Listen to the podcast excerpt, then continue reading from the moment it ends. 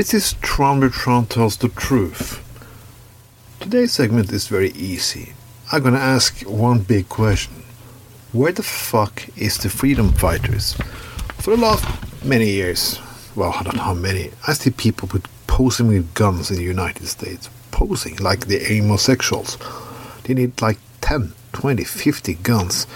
Even when they go to Walmart, they need assault rifles.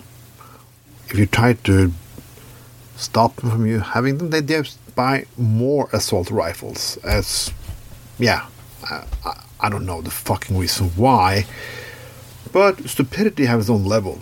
They don't want to listen to that Ron, their saint, Ronald Reagan, not at all approved of those big military assault rifles. He wanted them banned. But you cannot call Ronald Reagan a socialist, even by today's standards in the Republican Party. He would look like one. When the Ukraine war started, a lot of people wanted to go to the area of Ukraine to fight for Ukrainian people. Norwegians that I know want to take up weapons. They want to defend freedom and democracy. Well, that should be a beautiful opportunity, shouldn't it? Shouldn't it be the best opportunity in the world? But I haven't seen any redneck, fuck up, trailer park trash taking up a gun for Ukraine. Not fucking one.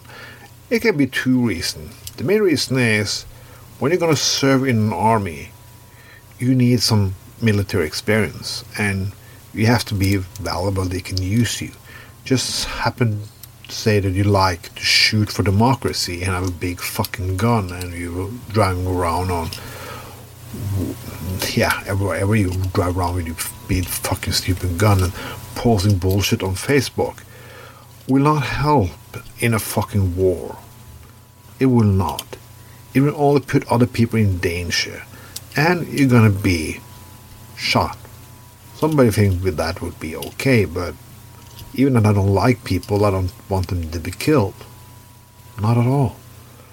The second reason I do know is they are really cowards. They are bullshitters.